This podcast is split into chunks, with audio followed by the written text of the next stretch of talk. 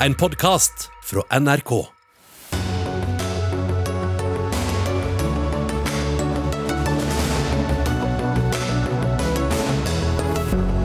Om få dager går Norge inn i FNs sikkerhetsråd. Men hva, om noe, kommer vi egentlig til å oppnå der? Joe Biden som ny president endrer ikke alt. Norge bør fortsatt løsne på båndene til USA, ifølge SV. Det skjer nok ikke, ifølge utenriksministeren. Klimaendringer og klimapolitikk kommer til å påvirke utenrikspolitikken i stor grad i årene som kommer, sier forsker som mener det er på høy tid at regjeringa tar det inn over seg. Og kineserne kaster seg på i kampen om Svalbard. Nå må norske myndigheter feste grepet, ber forfatter. Dette er Dagsnytt 18 på NRK1 og NRK P2. Jeg heter Sigrid Solund. Og hele denne romjulssendinga er et opptak, og den skal handle om Norge i verden. Ja, for verden består vel fortsatt, så vidt det er, Ine Eriksen Søreide? Absolutt, det gjør den, men den ser jo ganske annerledes ut enn den gjorde for noen år siden. Og vi forventer jo at uh, også neste år kommer til å bli prega veldig mye av de samme tinga som har prega 2020. Du er jo da utenriksminister, og når vi ser dette året under ett, så er det som du er inne på, en sak som har overskygget det meste, nemlig koronapandemien. Men hvordan har den også endra Norges forhold til resten av verden, tror du? Ja, Det er jo litt tidlig å se på de langsiktige konsekvensene ennå, men vi begynner jo allerede å se konturene av eh, noen ting som egentlig får konsekvenser for alle land i verden. Det ene er at den stormaktsrivaliseringa som jo var mellom USA og Kina fra før, den har egentlig bare blitt sterkere gjennom pandemien. Og vi ser også at det er et ganske eh, forventa, i hvert fall et ganske tydelig skift enda mer i retning av at eh, Asia og, og Østen eh, tar større plass, både økonomisk og politisk i verden. Og så har vi også sett allerede tegn til at flere land, fattige land, nå vippes igjen over i en voldsom gjeldsbyrde. Så det kan jo få ganske stor konsekvens for de økonomiske forholdene i verden. Og for Norges del så har vi hele tida vært opptatt av å manøvrere i et veldig uoversiktlig landskap. Og vi har jo festa mye eh, lit til og lagt mye ressurser i det multilaterale samarbeidet. Og vi ser at selv om det er under sterkt press, så blir det bare viktigere for et land som Norge. Og der investerer vi veldig mye ressurser framover også. Vi skal komme litt tilbake til noen av disse sakene mot slutten av sendinga, men det er jo en annen sak også som har vært veldig stor i år, som er presidentvalget i år, mm. som har interessert nordmenn nesten like mye som amerikanere, virker det som. Men mm. Hva tenkte du da Joe Biden vant valget? Vi var jo forberedt på at det ville bli et veldig jevnt valg, og det gjorde det jo også. Og det ble jo et valg med rekordoppslutning, og det er jo et tegn på at eh, det er et polarisert samfunn også. Ble du glad? Jeg tror det er, Vi har et veldig godt samarbeid med, med Trump-administrasjonen i dag. Men så tror jeg også det åpner seg noen nye muligheter for samarbeid. Og jeg tror også det er muligheter for større forutsigbarhet. Eh, jeg tror ikke vi skal forvente veldig store politikkendringer på det utenrikspolitiske området, annet enn på noen områder som f.eks. klima og miljø. Eh, og veldig mye av det vi har opplevd i dag som viktig i det norsk-amerikanske forholdet, kommer til å vare. Samtidig så eh, tror jeg vi må være forberedt på at den innkommende presidenten og hans administrasjon kommer til å ha en enorm utfordring foran seg med å håndtere innenrikspolitikken i USA. De kommer til å måtte håndtere konsekvensene av en pandemi som rammer USA ekstremt hardt. De må håndtere en økonomi som er i eh, veldig dårlig forfatning. Og de må håndtere et ekstremt splitta og polarisert samfunn, som gjør at eh, veldig mye ressurser sannsynligvis kommer til å brukes innenriks den første tida. Så ikke så stor endring på utenrikspolitikken da, tror du? Vi forventer ikke det. Vi forventer f.eks. For at eh, rivaliseringa med Kina fortsatt vil være der, selv om tonen kanskje blir en annen. Fordi det er tverrpolitisk enighet om behovet for å konfrontere Kina i USA. Og så tror vi at de på noen områder kommer til å vise kanskje et større internasjonalt engasjement, f.eks. når det gjelder klima og miljø og det å gå inn igjen i Parisavtalen. Men du sier jo også at, at samarbeidet har fungert godt også under Donald Trump. Men hva er det som ikke har fungert helt optimalt, da? Vi har jo noen områder der vi er veldig uenige og har signalisert det veldig tydelig. Enten det gjelder på handelspolitiske områder, hvor vi sammen med flere andre har gått til panelsak mot USA i WTO. Det kan være på uttrekket fra atomavtalen med Iran. Det kan være på at de trakk seg fra Parisavtalen, eh, og ikke minst at de også trakk seg ut av Verdens helseorganisasjon. Samtidig så har vi jo sett et økt amerikansk engasjement for europeisk sikkerhet, og det har vi også etterspurt i mange år. Det har vært veldig positivt, og det forventer vi også kommer til å fortsette. Om bare noen få dager, den 1. januar, så blir en kamp på 13 år og 30 millioner kroner eh, kronet med seier. Norge skal inn i FNs eh, sikkerhetsråd. Hva slags realistiske forventninger har du at vi kan oppnå med det? Jeg ba jo Stortinget om å få redegjøre litt for både prioriteringene våre og hvordan vi skal jobbe, og dynamikken i Sikkerhetsrådet. Det gjorde jeg på, eh, på begynnelsen, i begynnelsen av desember. Og det som var viktig for meg å understreke, var nettopp det poenget ditt. Nemlig at vi må være realistiske med tanke på hva vi kan få til. Men vi har satt opp fire hovedprioriteringer. Det ene er fredsdiplomati og det å kunne forebygge og løse konflikter. Det andre er kvinner, fred og sikkerhet, der vi mener at kvinner må med i alle fredsprosesser tidlig. Det tredje er beskyttelse av sivile, inkludert barn, og vi har jo hatt et spesielt fokus på seksuell og kjønnsbasert vold. Og det, tredje, nei, unnskyld, det fjerde er klima og sikkerhet, hvor sammenhengen mellom klimatrusler og sikkerhet er viktig for oss. Og der jobber vi jo ikke alene, vi jobber sammen med likesinnede land. Og et av de landene vi kommer til å jobbe tett med, er jo Irland, som kommer inn sammen med oss, og, og som vi har jevnlige diskusjoner og konsultasjoner med. Men så var det sånn at regjeringen definerte tre hovedgrunner til at Norge ønsket denne plassen, hvorav én var å vise ansvar og styrke relasjoner til andre land i og utenfor Sikkerhetsrådet. Det kan jo være ganske spent mellom flere av medlemmene i Sikkerhetsrådet, så nøyaktig hvilke land er det vi ønsker å styrke forholdet til? For oss er det viktig både å samarbeide godt med de 14 andre landene i Sikkerhetsrådet, og vi er jo i den, mener jeg, eh, gode situasjonen at vi har et godt forhold til alle de fem faste medlemmene av Sikkerhetsrådet. Det kommer til å være viktig for å kunne fremme initiativ og for å få land med oss. Eh, og så er det ganske avgjørende for et lite land som Norge at en rettsbasert, regelbasert verdensorden fortsetter. Og da må vi med jevne mellomrom være med på å ta det tunge ansvaret det er å sitte i Sikkerhetsrådet, og bidra til å underbygge det. Og det tjener norske interesser og derfor gjør vi det. Men man må jo da også måtte velge side noen ganger, da. Og hva vil veie tyngst av hensynet til hvem vi ønsker som allierte, eller de prinsippene som vi egentlig skal i? Ja, Det er jo ikke sånn at vi endrer verken utenrikspolitikk eller prinsipper når vi går inn i Sikkerhetsrådet. Og de dilemmaene og de avveiningene vi vet vi kommer til å stå i i Sikkerhetsrådet, står vi i hver eneste dag. Det er jo mange som har sagt at hvis vi går inn i Sikkerhetsrådet, så kommer vi i en stormaktskvis. Jeg vil jo si at den står alle land i i dag. Eh, og vi har våre allianser, vi har eh, våre verdier og prinsipper. Og de følger vi jo uansett om vi er i Sikkerhetsrådet eller ikke. Men muligheten vår er jo at vi nå på enda mer jevnlig basis får en dialog med stormaktene i Sikkerhetsrådet, og det mener jeg er positivt. Det blir jo fort litt sånn runde formuleringer her, da. Norge skal ha klima som en hovedsak, som du nevnte. Men nøyaktig hva slags tiltak er det da Norge vil, vil fremme på klimafronten? Jeg kan gi et eksempel på dagens situasjon. I dag er det jo flere av Sikkerhetsrådets medlemmer som ikke ønsker at koblinga mellom klima og sikkerhet skal løftes fram i Sikkerhetsrådet. Det er men, som ikke ønsker det? Ja, det er flere land, bl.a. Russland og Kina, som ikke har ønska å ha det særlig på dagsorden. Vi mener jo tvert imot at det er veldig viktig, fordi sammenhengen mellom klimaendringer og konflikt blir stadig sterkere. Og klimaendringene blir en slags trusselmultiplikator. Dvs. Si at alle allerede underliggende problemer blir enda større som følge av klimaendringer. Eh, det å få det på rådets agenda har vært vanskelig. Det ønsker vi å bidra til, og vi ønsker å bidra med kunnskap. Og nettopp Derfor så har vi også satt i gang et forskningsprosjekt sammen med NUPI og SIPRI i Sverige og noen tyske aktører for å bidra til at sammenhengene i de enkelte landsituasjonene kommer tydeligere fram. Så det vil være et viktig bidrag til beslutningene Sikkerhetsrådet skal ta. Ja, En forståelse mer enn en, en tiltak, konkrete tiltak, da. Ja, akkurat nå er det det aller viktigste, faktisk. Fordi eh, det er såpass eh, vanskelig å få disse sakene opp på rådets agenda at det vil være et viktig bidrag til det. Ikke gå din vei, eh, Eriksen Sørad. Vi skal få inn en person til.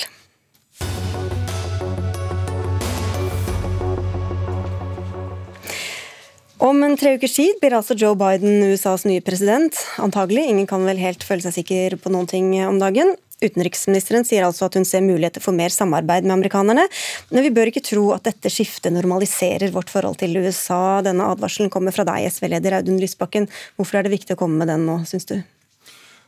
For det første så tror jeg det er viktig å se at det USA har gått gjennom de siste årene, handler om mer enn én en person. Det handler om et uh, dypt polarisert samfunn etter tiår med en helt pervers økning i den økonomiske ulikheten og uh, voldsomme motsetninger som ikke går over. Så jeg mener jo at det stadig flere nordmenn har uh, innsett de siste årene, nemlig at det er en risiko å knytte seg stadig tettere til USA, sikkerhetspolitisk og militært, det er fortsatt gyldig.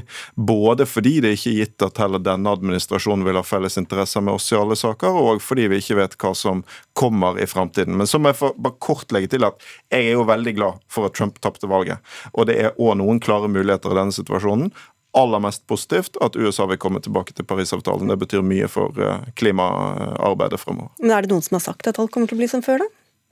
Nei, men jeg, jeg, jeg syns det er, det er litt, litt, sånn stemning. Nå puster vi lettet ut, og så blir ting forhåpentligvis som før igjen. Eh, og jeg tror bare det er viktig å, å, å være klar over at vi er i en veldig forandret verden. Eh, med økt stormaktsrivalisering, der vi som småstat må eh, finne vår plass. Og der en klassisk motsetning i norsk politikk kommer opp igjen. Hvor tett skal lille Norge gå inn i en blokkpolitikk i en mer polarisert verden mellom stormaktene? Der vi jo mener eh, at eh, Norge er tjent med eh, en mer uavhengig kurs hvis vi skal sørge for lav spenning og bedre sikkerhet for oss sjøl, og kunne være en stemme for internasjonal solidaritet i verden. Ja, Innenriksen Søreide, fortsatt utenriksminister. Du sa jo selv at det var blitt mer polarisert. og Hvor tett er vi villige da til å klistre oss opp til amerikanerne i den konflikten? USA er vår viktigste allierte, og det kommer til å fortsette. Og det er jo det som har tjent eh, vår sikkerhet eh, veldig godt siden 1949. Og det kommer til å være viktig for Norge å investere i framover også. Men vi har jo fra regjeringas side hele veien sagt at selv om det nå er et valg i USA, så er det jo mange som tror at vi nå skrur klokka tilbake eh, ti år. Det kommer vi ikke til å gjøre, både fordi USA er et helt annet samfunn, eh, verden er et helt annet sted. Og det betyr at vi på mange områder, også med USA, må stake ut en eh, ny kurs, rett og slett fordi at det er nye utfordringer som må besvares. Og jeg tror jo at presset mot det multilaterale samarbeidet, som etter vår oppfatning er noe av den største trusselen i dag for Norge utenrikspolitisk, det er noe vi håper vi kan jobbe godt sammen med USA om framover, fordi de har signalisert at de ønsker å ta internasjonalt lederskap igjen. og Det trenger vi, og, og da mener jeg at det er viktig å ha en god og konstruktiv dialog med USA. Når du sier at Norge har klint seg for tett opp til USA, Lysbakken, hva er det du refererer til da egentlig, som, som er annerledes nå enn for 10-20 år siden? Nei, jeg mener at Vi har sett en tydelig utvikling under denne regjeringen, der vi har gjort oss mer militært avhengig av USA. Det er høyere amerikansk militær aktivitet eh, i Norge og i våre nærområder. Eh, og også en større grad av eh, sikkerhetspolitisk samkjøring.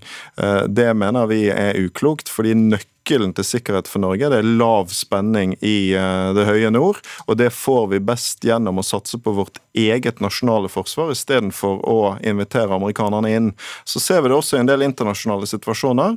Jeg mener at både regjeringen og Arbeiderpartiet sitt syn på det internasjonale atomvåpenforbudet f.eks. har fint lite med atomvåpen å gjøre, men veldig mye med lojalitet til USA, og er et eksempel på at den uavhengige stemmen Norge burde hatt, ikke er der. Et annet eksempel fikk vi rett før første først, da, med ja. det militære samarbeidet, Søred. Hva tror du det har gjort med forholdet til USA, f.eks.?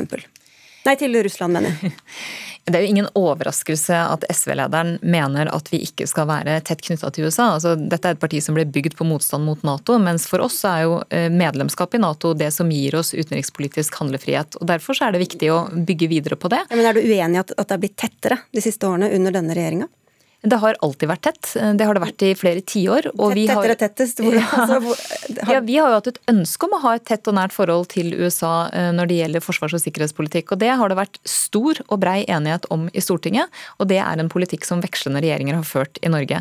Og vi gjør det jo fordi vi bor og befinner oss i et nabolag der potensiell spenning kan få store konsekvenser for oss, mens vi bruker mye ressurser på å holde spenningsnivået lavt, samarbeide internasjonalt, bruke bruker mye ressurser på diplomati i nordområdene.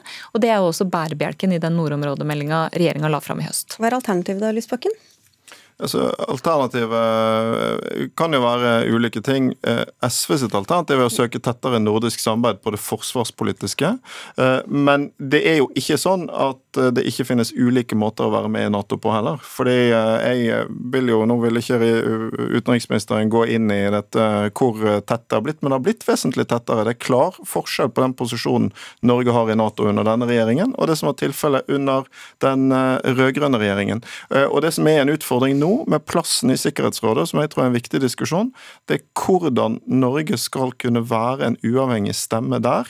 Når uh, utenriksministeren var i Stortinget før jul og snakket om sikkerhetsrådsplassen, så sa jo hun uh, at vi måtte være klar over faren for stormaktsskvis. Og det er en veldig god analyse, men stormaktsskvis den kommer jo ikke bare fra de autoritære stormaktene i øst, som vi må stå imot, kan også komme fra den stormakten i vest som vi er alliert med. Og det blir en stor prøve om Norge da klarer å opptre uavhengig. Men jeg tror det er viktig å korrigere Lysbakken på, på to punkter her. For det første, eh, når, han blir spurt om hva alternativene er, alternativet til Nato, så er svaret det er ulike ting. Det er en veldig sånn klassisk SV-analyse. Eh, jeg syns det er interessant at han peker på det nordiske samarbeidet. Det er viktig for oss også, og vi inngår nå et sterkere nordisk samarbeid også på forsvar. Men realiteten er jo at både Sverige og Finland knytter seg stadig tettere til Nato, stadig tettere til USA, fordi de mener det gir økt sikkerhet. For det andre så sier Lysbakken Lysbakken at det finnes flere måter å være med i Nato på. Nei, det gjør ikke det. Det finnes én måte å være med i Nato på, og den handler om alliansesolidaritet. Et angrep på én er et angrep på alle, og vi bygger vår sikkerhet sammen. Det har vært et førende og bærende prinsipp i Norge siden 1949, under vekslende regjeringer. Men vi må bare litt til dette med Sikkerhetsrådet også, om hvorvidt Norge på en måte vil tørre å mene noe annet enn USA, som, SV har vært inne på. For å ta et eksempel. Du har bedt Israel om å stanse de eh, planlagte nye bosettingene på Vestbredden, og sier at de strider mot folkeretten. Hvordan vil Norge følge opp dette når vi da får en plass i Sikkerhetsrådet? Vi vil mene akkurat det samme i Sikkerhetsrådet som vi mener utafor Sikkerhetsrådet. Vi var jo også av de landene som tok sterkt til motmæle mot USA da de etter å ha trukket seg fra atomavtalen allikevel ville gjeninnføre sanksjoner i Sikkerhetsrådet fra en avtale de har trukket seg fra. Og dette er veldig gode eksempler på at Norge har en konsistent linje som landene kjenner. Det er heller ingen overraskelse for Kina hva vi mener om brudd på menneskerettighetene i Xinjiang eller Hongkong. Og det er jo også noe vi kommer til å videreføre i Sikkerhetsrådet. Så hvis eh, Joe Biden, eh, påtroppende president, eh, viser en annen innstilling til dette og, går inn eller åpner for potensielle sanksjoner mot Israel, da vil Norge være med på det? Det må vi vurdere ut fra en helhet, men samtidig så er det sånn at vårt, vårt utgangspunkt og vår bunnplanke er jo at bosettingene er folkerettsstridige. Og det er et standpunkt som både israelerne kjenner veldig godt, palestinerne kjenner veldig godt og amerikanerne kjenner veldig godt. Ja, Det er jo det øyeblikket eh, vårt standpunkt får større konsekvenser da, som medlem av Sikkerhetsrådet, at testen på dette kommer. Jeg sier jo ikke på forhånd at Norge ikke kommer til å bestå den testen, men jeg sier at det er en utfordring vi er nødt til å diskutere.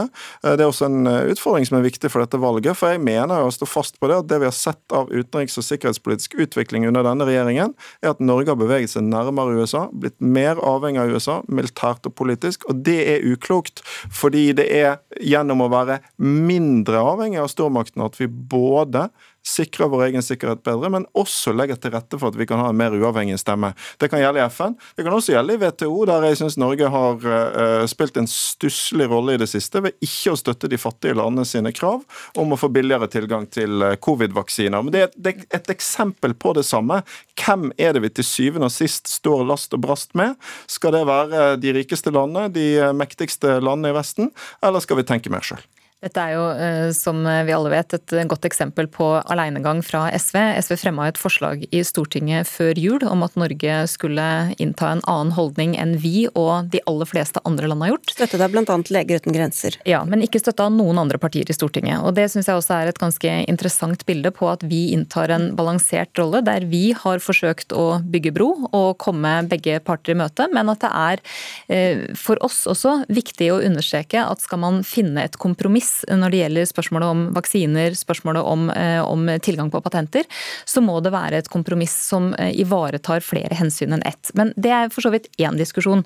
Jeg syns det er interessant å, å, legge merke til at den, altså den innfallsvinkelen som SV nå tar, er jo litt spesiell. fordi hvis det er sånn at FNs sikkerhetsråd vedtar sanksjoner, så er Norge folkerettslig forplikta til å følge dem opp, uansett om vi sitter innafor eller utafor Sikkerhetsrådet. Og hva som kommer til å skje i Sikkerhetsrådet, f.eks. knytta til Israel-Palestina-konflikten, f.eks. knytta til eh, Syria, til Jemen, til Libya, Det er jo blant de tingene vi ikke kjenner fullt ut innholdet i nå, men som vi selvfølgelig jobber med og kommer til å jobbe veldig mye med. Og så er det jo sånn at vi eh, gjennom de alliansene vi har, gjennom den måten vi har drevet en konsistent utenrikspolitikk på i mange år, også har blitt en stemme som er viktig for mange land i Sikkerhetsrådet, fordi vi har god kunnskap, godt inntak og godt nettverk. Og Hvor mange vil høre oss på oss da, Lysbakken, hvis vi fjerner oss fra alle stormaktene, kjøler forholdet til Nato og søker et samarbeid som ingen andre nordiske land egentlig ivrer særlig høylytt for? Alternativet for Norge er eh, en mer nasjonal forsvarspolitikk. Og husk, sånn, Dette er det ikke bare SV med vårt syn på Nato som sier. Dette er det mange stemmer i den norske forsvarsdebatten som sier, også varme tilhengere av Nato. Hvis vi ønsker lav spenning i våre nærområder, så er en invitasjonspolitikk overfor den ene stormakten uklok. Dette er en alvorlig og viktig diskusjon. og Det er heller ikke sånn eh, at bare fordi man har flertall, så har man rett. Enten det er snakk om sikkerhetspolitikk eller vaksiner. Det går an å ha flertall og ta veldig feil. Eh, og det tror jeg utenriksministeren gjør i begge de spørsmålene. okay, det går også an å være mindretall og ta kraftig feil, og det mener jo jeg selvfølgelig at SV gjør i denne sammenhengen. Men altså Den troa SV har på alenegang er egentlig helt fascinerende, gitt at det er et parti som normalt snakker om internasjonalt samarbeid. Men Norge skal altså best ivareta våre interesser ved å gjøre mest mulig alene. Det er en politikk jeg ikke tror på, og det er en politikk jeg mener vil være skadelig for norske interesser. Ingen snakker om alenegang. Spørsmålet er hvem vi samarbeider med. I vaksinesaken så ville vi stå på de fattige landene sin side, mens flertallet har valgt å stå på de store legemiddelselskapene sin side. Det er bare å velge feil side. Det er jo ingen av oss som er mer alene enn den andre. Du er bare i feil selskap. det, jeg tror vi sier takk til deg der, Audun Lysbakken, og foreløpig takk til deg, Ine Eriksen Søreide. Vi skal se mer til deg om litt, men du skal få en liten pause nå.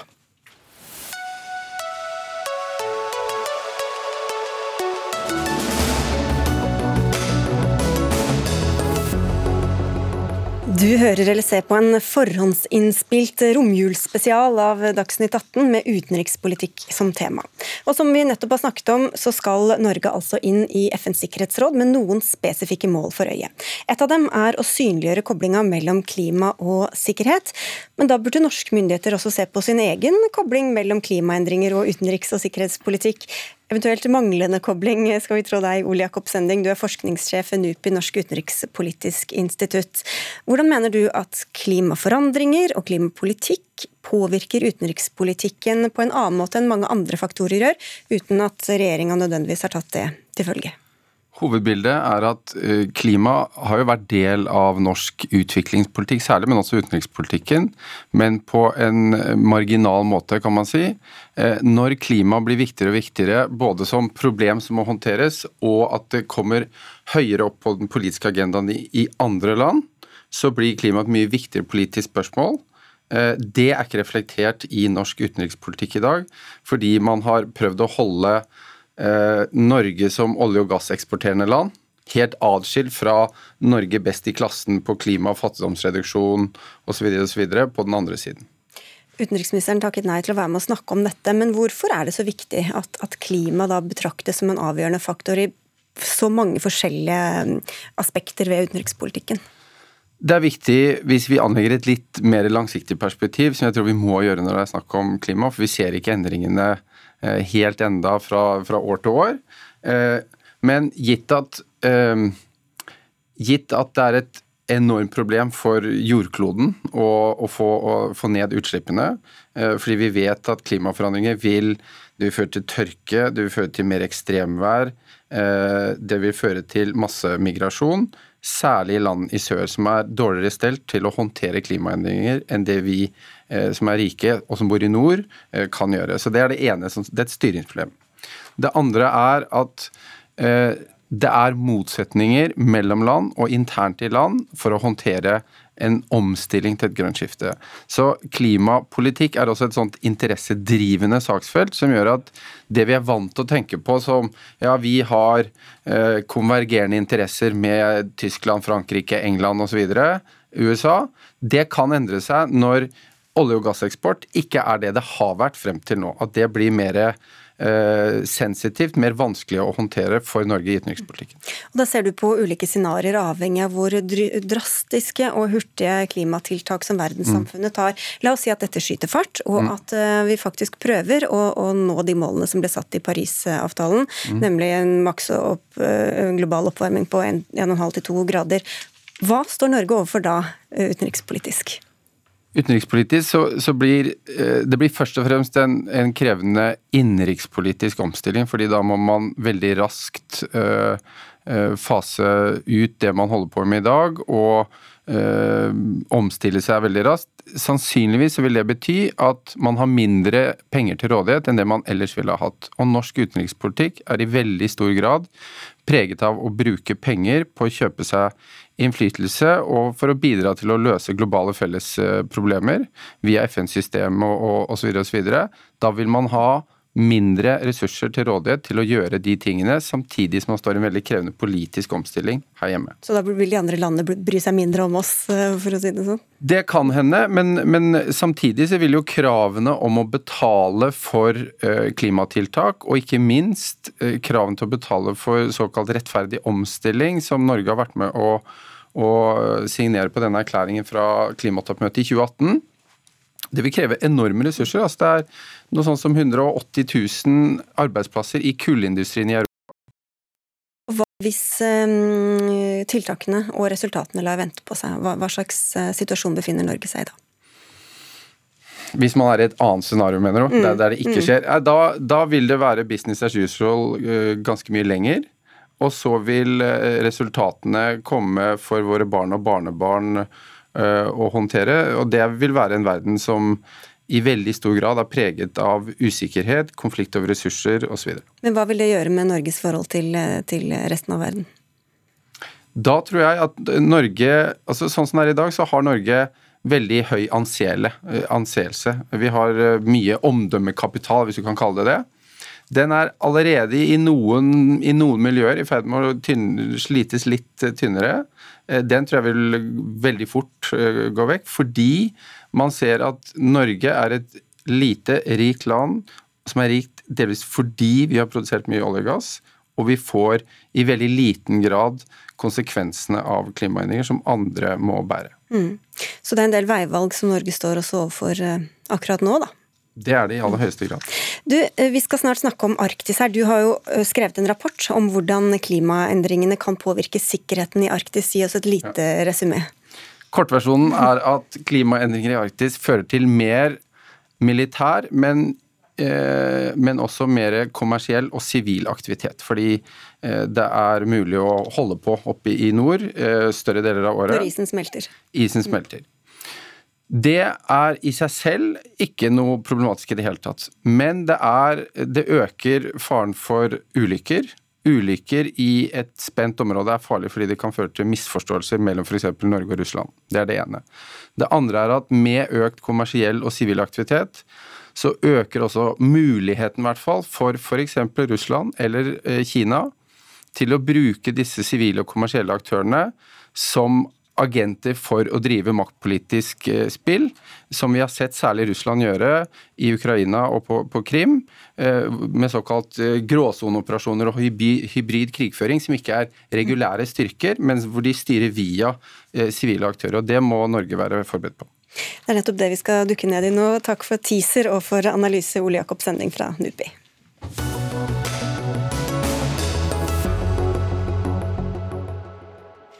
Ja, Isen smelter altså og åpner både hav og muligheter, og stormaktene ser til Arktis. Nå øker interessen også fra Kina. På Svalbard er det blitt færre nordmenn, mens tallet på utenlandske borgere er økt med 57% de siste ti årene. Per Arne Totland, du er forfatter av boka 'Kald front', konfliktområdet Svalbard gjennom 100 år bl.a. Og du er bekymret for denne utviklingen. Hvorfor det egentlig? Jo, Det er jo bekymringsfullt når det norske fotavtrykket på Svalbard går ned, slik du beskriver, samtidig som den internasjonale interessen for nordområdene, og også da Svalbard, øker så sterkt som, som den gjør. Som, som, eh, dere har vært inne på, så, så, er det jo enorme ressurser i det nordlige Arktis. Regner man med olje- og gassressurser, mineralressurser, det er et stort matfat. Eh, og en hel verden ser nå mot alle disse ressursene.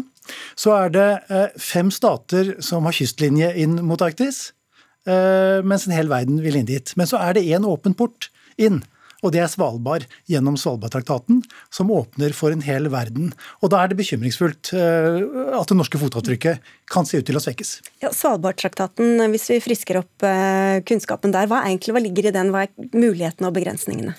Ja, den slår for det første fast at Svalbard er uh, norsk territorium. For det andre så, så, er det en likebehandlingsbestemmelse der som gjør at borgere og selskaper fra alle de 44 land som har tiltrådt den traktaten, skal kunne opptre næringsmessig, eh, skal ha fri tilgang osv. på like fot på Svalbard. Og Det gjør jo at Svalbard ligger helt åpent for selskaper fra Afghanistan, fra Costa Rica, fra Kina, fra Russland osv. Og Hvem er det som er til stede der nå, da? Det er flere titalls nasjonaliteter allerede som bor på Svalbard, men eh, av næringsvirksomhet så er det i øyeblikket bare Norge og Russland som driver næringsvirksomhet av, av betydning. Eh, men dette bildet kan jo endre seg etter hvert som, som utviklingen går fremover i Arktis. Kjersti Strømmen, NRKs korrespondent i Kina. Du har også tidligere bodd og jobbet på Svalbard, så du kjenner begge områdene. Hva er Kinas strategi for Arktis og da for Svalbard?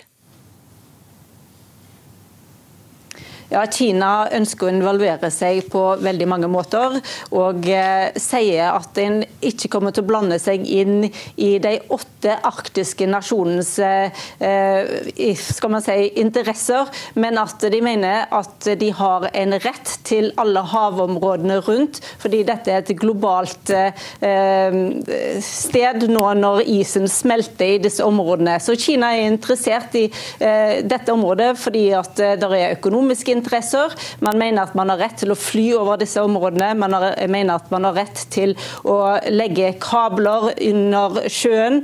Man eh, mener at man har rett til å ta ut ressursene derfra.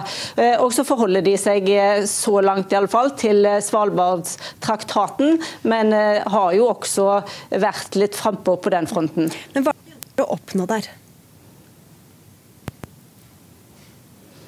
Ja, De ønsker jo å få eh, skal man si, en fot eh, innenfor. Det er jo ikke så veldig lang historikk Kina har hatt i disse områdene, selv om de selv hevder at det har de.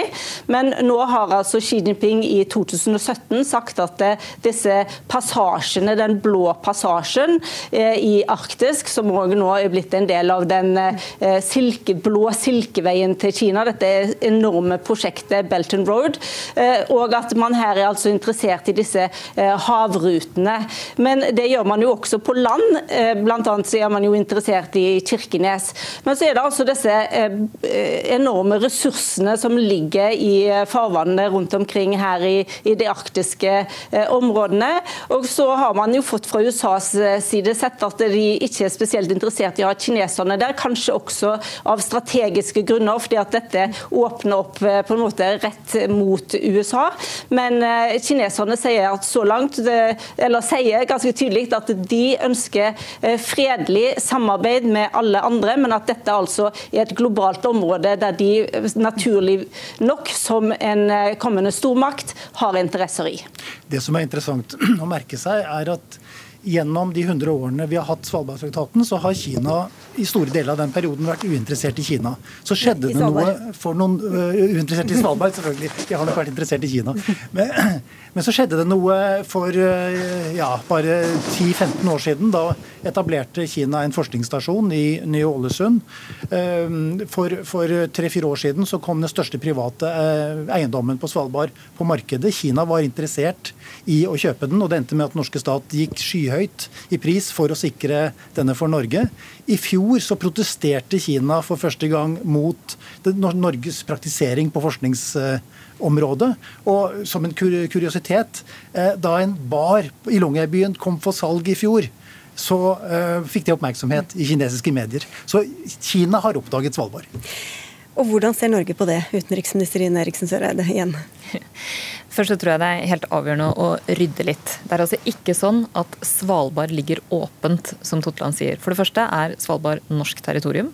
For det andre så er det i Arktis generelt sånn at folkeretten gjelder. Og det vil også si at eh, der det eventuelt måtte være diskusjoner om eh, ressurser, så er det sånn i Arktis at alle ressursene er avklart. Det er altså ikke fritt fram å komme til, til Svalbard eller andre steder og kreve ressurser. Og så tror jeg det er viktig å være klar over likebehandlingsreglene som veldig mange snakker om.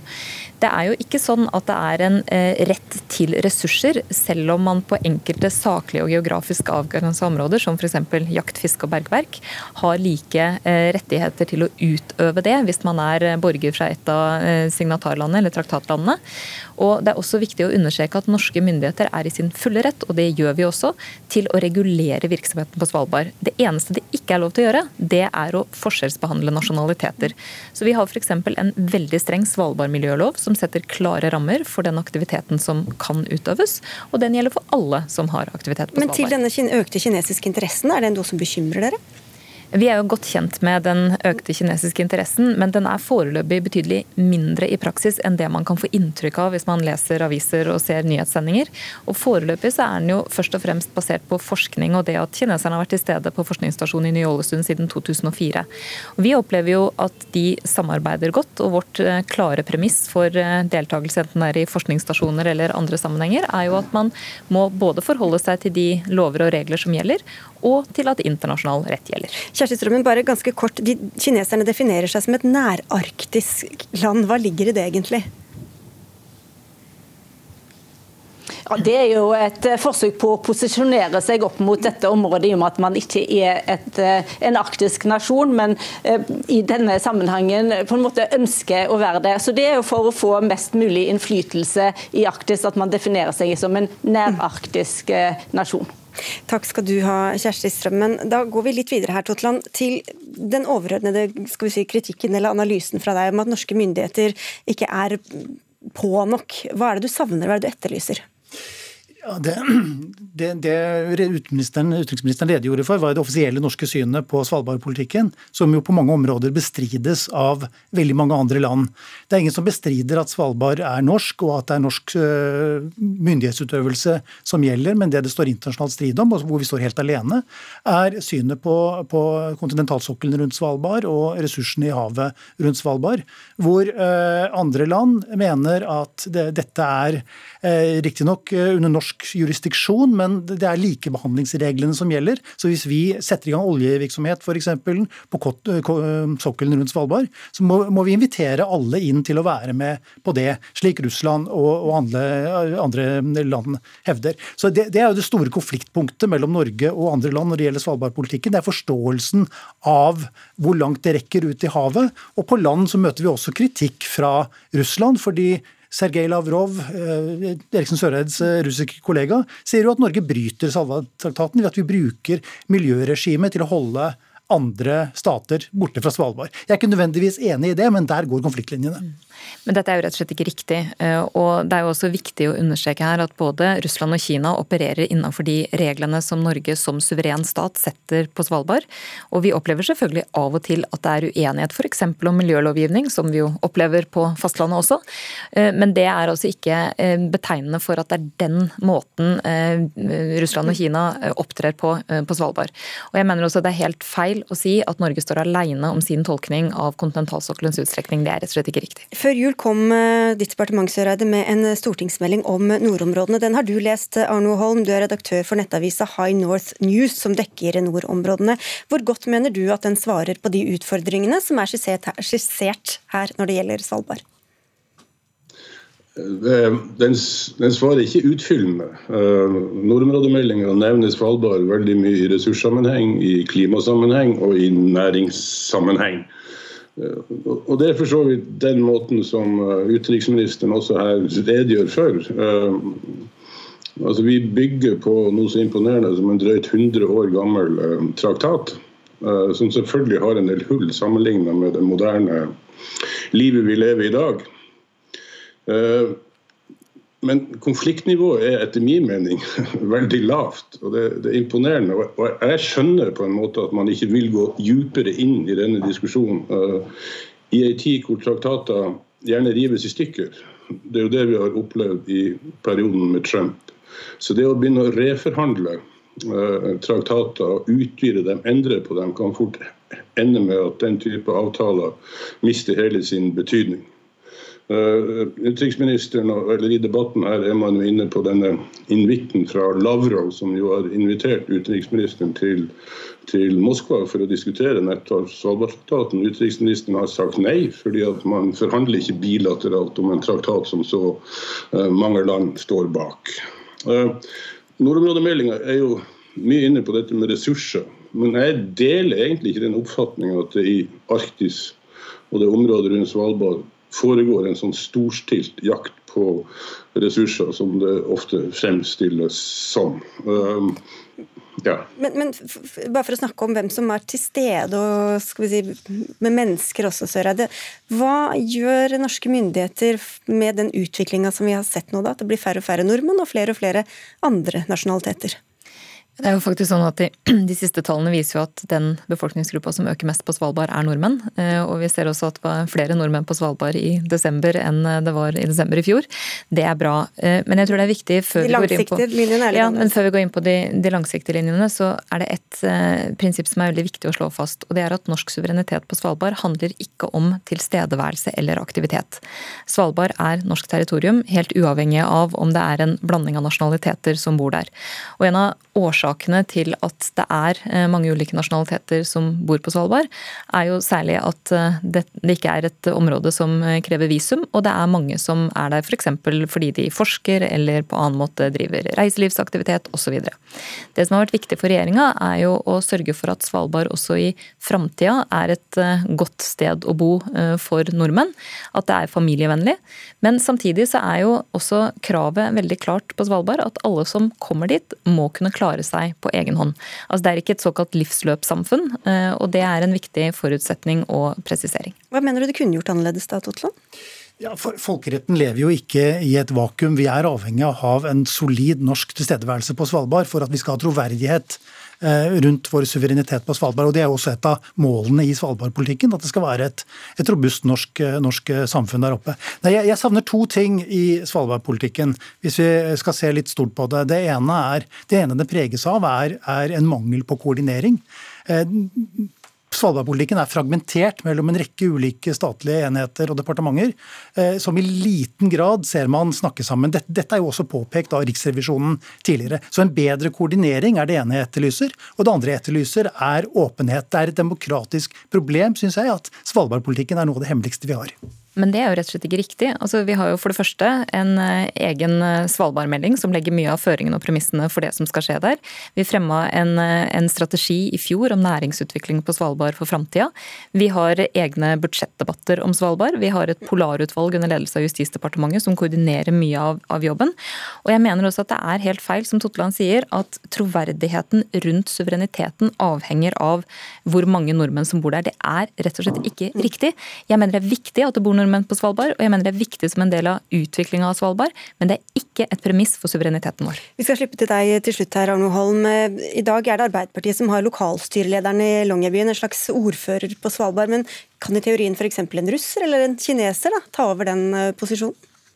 Ja, det kan faktisk det. Og dette er jo noe av det vakre med Svalbard også, eh, når man ikke skal problematisere for mye. Det er jo nettopp den den traktaten som gjør at det ikke er innvandringsforbud på Svalbard. Det er ikke så mange plasser i verden hvor man kan reise fritt. Der oppe er det altså mørke og kulde og evnen til å klare seg selv som avgjør om du er velkommen eller ikke.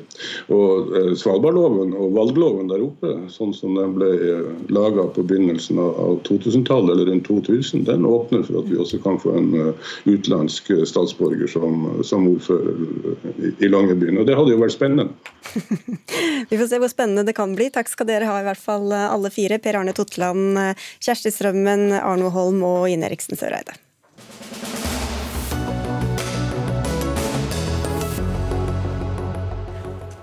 Koronapandemien og USA-valget har preget året som har gått, men hva har vi gått glipp av når disse sakene har fått så mye oppmerksomhet? Asle Toje, utenrikspolitisk forsker og kommentator, du har vært særlig opptatt av eh, Europa i forbindelse med et bokprosjekt eh, du har eh, hatt gående her. Og det stemmer sikkert. Hvilke strømninger mener du å se på europeisk jord nå, som kanskje har havnet litt i skyggen av pandemien? Vel, den store nyheten, og som kanskje ikke har blitt kommunisert så tydelig i, i, Norge, er at Europa er inne i en langsiktig svekkelse. Og noe av grunnen til at vi opplever eh, stormaktene der ute som så eh, skumle, har å gjøre med at vi ikke blir tatt hensyn til på samme måte som før. Og det har å gjøre med at Europa er inne i en økonomisk, kulturell og demografisk nedgangstid.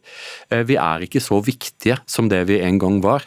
I skrivende stund så utgjør Europa om lag 25% av verdens samlede verdiskaping, men når vi ser fram mot 2050, så kommer dette tallet til å være under 10% Så Europa er i ferd med å bli en global periferi. Og Det er noe av den triste sannheten, og det er noe du ikke kommer til å høre fra politikerne. Ulf Sverdrup, direktør ved Norsk utenrikspolitisk institutt. Jeg forstår du syns kanskje tegner et litt vel elendig bilde, men du viser også til to store europeiske prosjekter, som jeg vet ikke om eventuelt kan bøte på dette. Hva går det ut på? Jeg er helt enig i det Asle sier. Altså, dette er jo en del av en demografisk og økonomisk endring som foregår i verden. Det tyngdepunktet i verden flyttes bort fra Vesten i og for seg, til resten, satt på spissen. Eh, det er litt eh, eh, Det som jeg mener, er at Europa er jo ikke sånn at de fornekter dette men de prøver å adressere de to spørsmålene. Og Det er det som jeg vil si er en av de tingene som har skjedd i år, som er mest interessant. Ut av både etter, både i askene av brexit og av koronakrisen, så har vi sett to begrep vil jeg si, som har samla seg rundt. Det ene er diskusjonen om europeisk suverenitet, eller hvordan Europa kan hevde sine interesser i den tid der makten forflyttes til andre steder. Men hvordan kan man ivareta sine interesser og verdier? Det, det er en veldig intens debatt som foregår i Europa nå, om hvordan man skal bygge opp en europeisk suverenitet. Det andre diskusjonen handler om europeisk solidaritet. Om at EU og europeisk samarbeid kan ikke kun være et marked eller en valuta, det må være noe mer. Og man skal fremtidsrette det europeiske prosjektet i retning av klima og digitalisering, for å også skape konkurransekraft i fremtiden. Og, og det, det, er to veldig store ting. altså Bare i sommer så ble jo EU-landet enige om å lage tilsvarende et oljefond som skulle fordeles mellom medlemsstatene for å investere til noe annet. Og det, det er en ny ting. Vi skal slippe til en tredjeperson, for dere er tre stykker som også har hørt hele sendinga her eh, så langt. Cecilie Helstveit, du er forsker på konflikt og folkerett, bl.a. ved Folkerettsinstituttet. Hva av kriger og uroligheter og annen elendighet også andre steder i verden er det vi kanskje ikke har sett så godt pga. koronapandemien som har overskygget det meste? Nei, altså utviklingen i verden den har gått i en ganske eh, mørk retning i flere år, også før koronapandemien kom. Og mye av det som har skjedd under koronapandemien er jo at de prosessen har gått enda fortere. Eh, og Jeg vil jo få lov til å legge til et tredje perspektiv på dette med Europa. For jeg tror også det at Europa i løpet av de siste fem årene har innsett at vi har bygget institusjoner for en evig sommer. Og nå kjenner vi at høstvindene begynner å blåse, og nå må vi endre vårt eh, prosjekt. Nettopp fordi vi må ha politiske institusjoner som kan ivareta de europeiske interessene, også utenfor Europa, i møte med resten av verden. Fordi det er en tiltagende rivalisering mellom store makter i verden, eh, som gjør Europa mer perifer, men det gjør også at en del av de områdene hvor vi tidligere har hatt sammenfallende interesser med amerikanerne, så har ikke Europa det lenger. Og Det begynner å bli tydelig på noen områder, men ikke på andre. Så Særlig. For i forhold til hvordan man skal forholde seg til digitaliseringen, hva som skal være rammene for det på den ene siden, men også hva som foregår i Europas naboskap mot sør. Fordi det er veldig mye uroligheter, kriger og mange flyktninger eh, sør for Europa. Og det er først og fremst Europa sitt problem. Ja, eh, og I forhold til det Cecilie sier her, så jeg, for, eh, for, Europa så er utfordringen, som, som Ulf påpekte, om man skal bygge klare å bygge en sterkere utenrikspolitisk identitet som gjør at man, europeiske interesser kan for, forsvares. Og Dette kommer dessverre for Europa eh, kjapt på dagsordenen, for det handler om Kina. Skal vi legge oss på samme linje som USA vis-à-vis Kina, eller skal, eller skal, Europa ha en, en selvstendig Kina-politikk? Og Nå ser det ut som at Europa er i ferd med å falle inn bak amerikanerne og velge et konfrontasjonelt forhold til, til Kina, men ikke alle de europeiske landene. Så det haster for Europa. Hvis Europa skal komme sammen, så må det skje nå. Ellers så kommer Europa til å splittes som Europa har blitt mange ganger før. Hvilke veivalg står eh, de europeiske landene overfor da, Sverdrup? Ja, altså, jeg tror Eh, Borrell, som er EUs utenriksminister, har sagt at Europa står overfor et valg med å velge om vi skal være stedet for stormaktene til å spille ut sin, sin interessekonflikt, en slags arena, eller om vi skal være en slags spiller selv. Så Sånn sett er det et veldig brutalt valg, og det handler om hvordan du skal adressere big tech og tek teknologi. Hvordan du skal sikre skattespørsmål, hvordan du skal drive med migrasjon, hvordan du skal ha tilgang til helse- og vaksinepolitikk. Men også hvordan du håndterer Kina, Russland og USA. Så det er mange store spørsmål. Og så er det sånn at ulike land vil ha selvsagt ulike posisjoner i forhold til dette. Noen trenger og ønsker å ha et tett forhold til Kina, mens andre er ikke så avhengig av det. Og Det krevende er å prøve å bygge en slags konsensus. Min vurdering er at Europa er noe mer samla utenrikspolitikk i dag enn de var, for, enn vi var i fjor, og noe mer samla Eh, nå enn de var for fem år siden også. Så det går i den retningen. Spørsmålet går det fort nok? Det vet man ikke. Alt henger jo sammen med alt, eh, Hellestveit. Europa er jo et kontinent i verden, eh, for å si det sånn. Hvordan ser du på andre utviklingstrekk, andre deler av, av verden? Vi har f.eks. tidligere snakket mye om IS og Taliban, og så har det vært stille lenge, og så nå er det plutselig kommet litt opp igjen på, på dagsorden.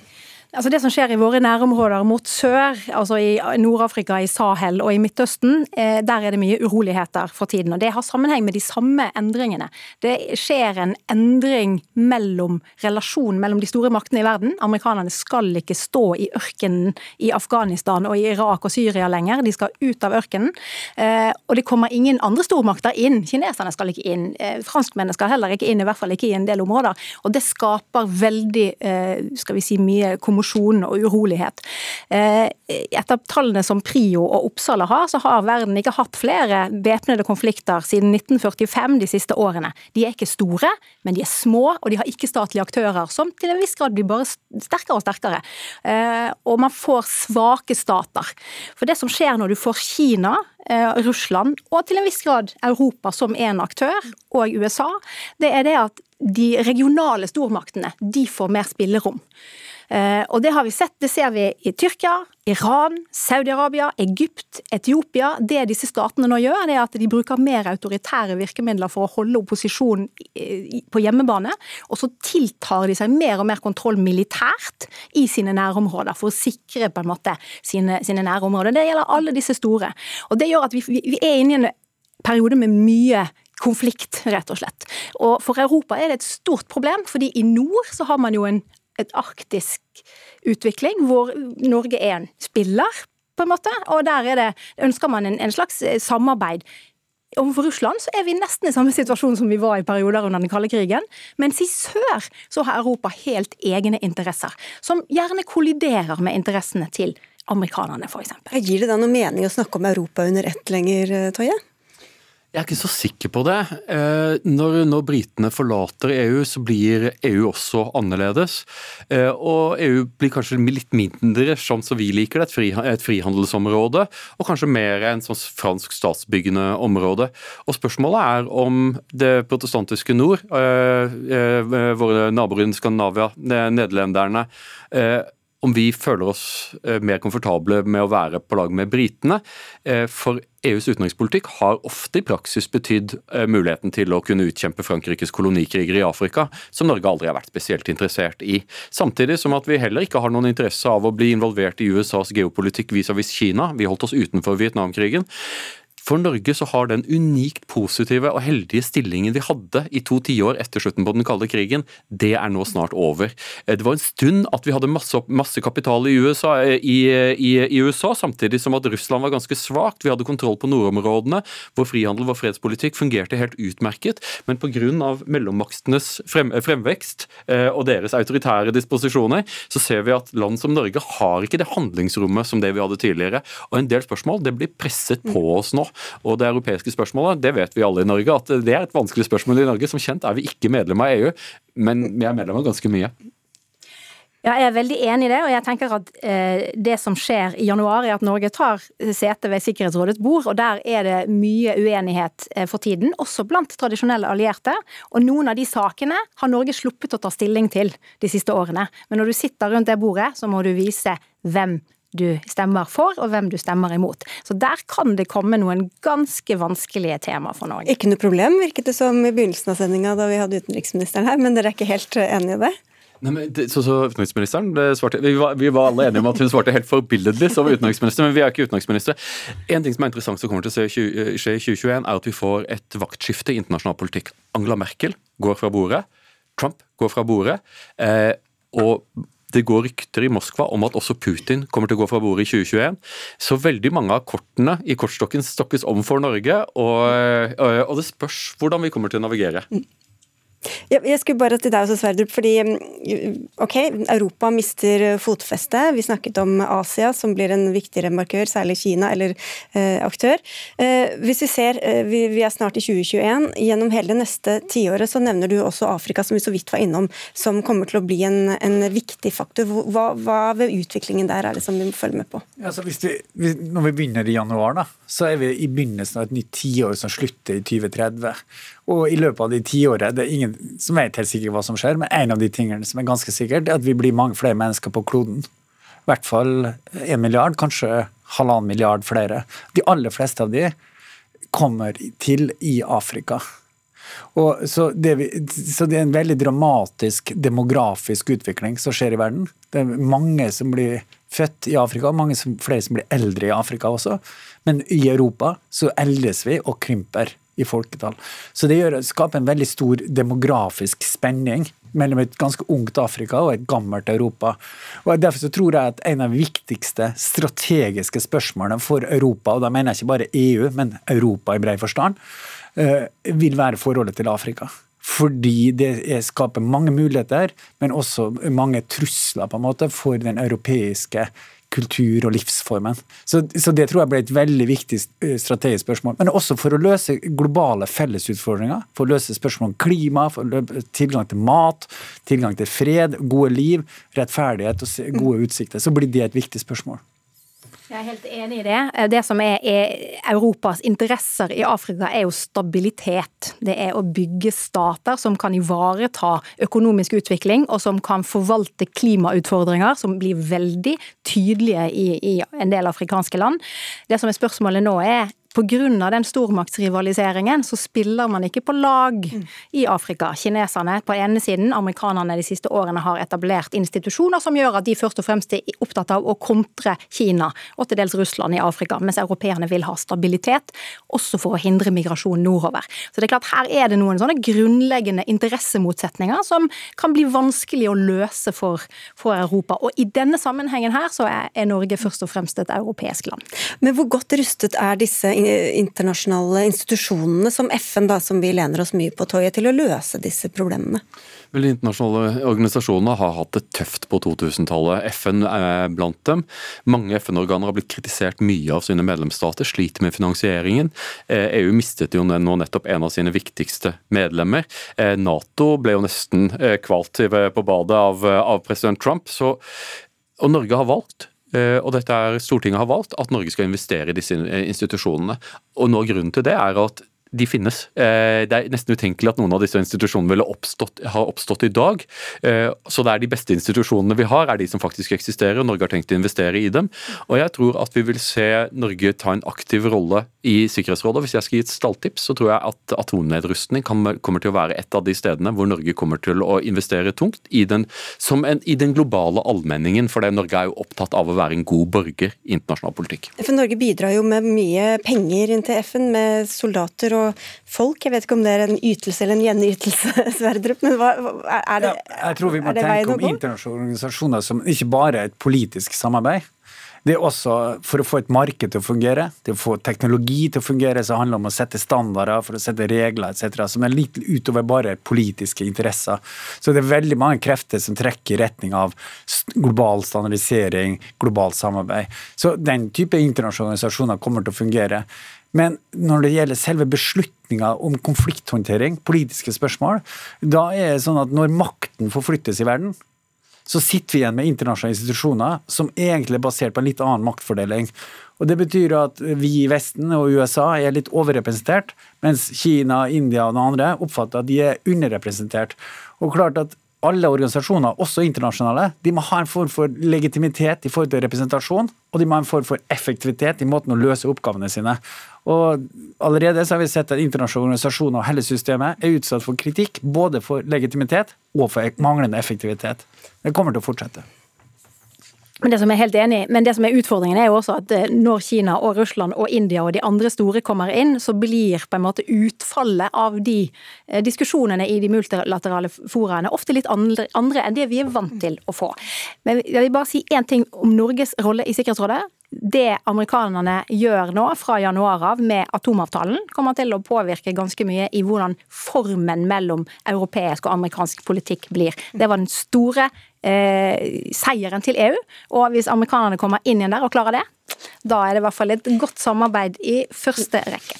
2020 går mot slutten. Det som i hvert fall er slutt, er denne Dagsnytt 18-sendinga. Takk til dere alle tre, Asle Toje, Ulf Sverdrup og Cecilie Hellestveit. Vi takker for oss, er tilbake i morgen, eh, men eh, Anne Katrine Førli, Helje Svensson og jeg, Sigrid Solund, ønsker en riktig god kveld.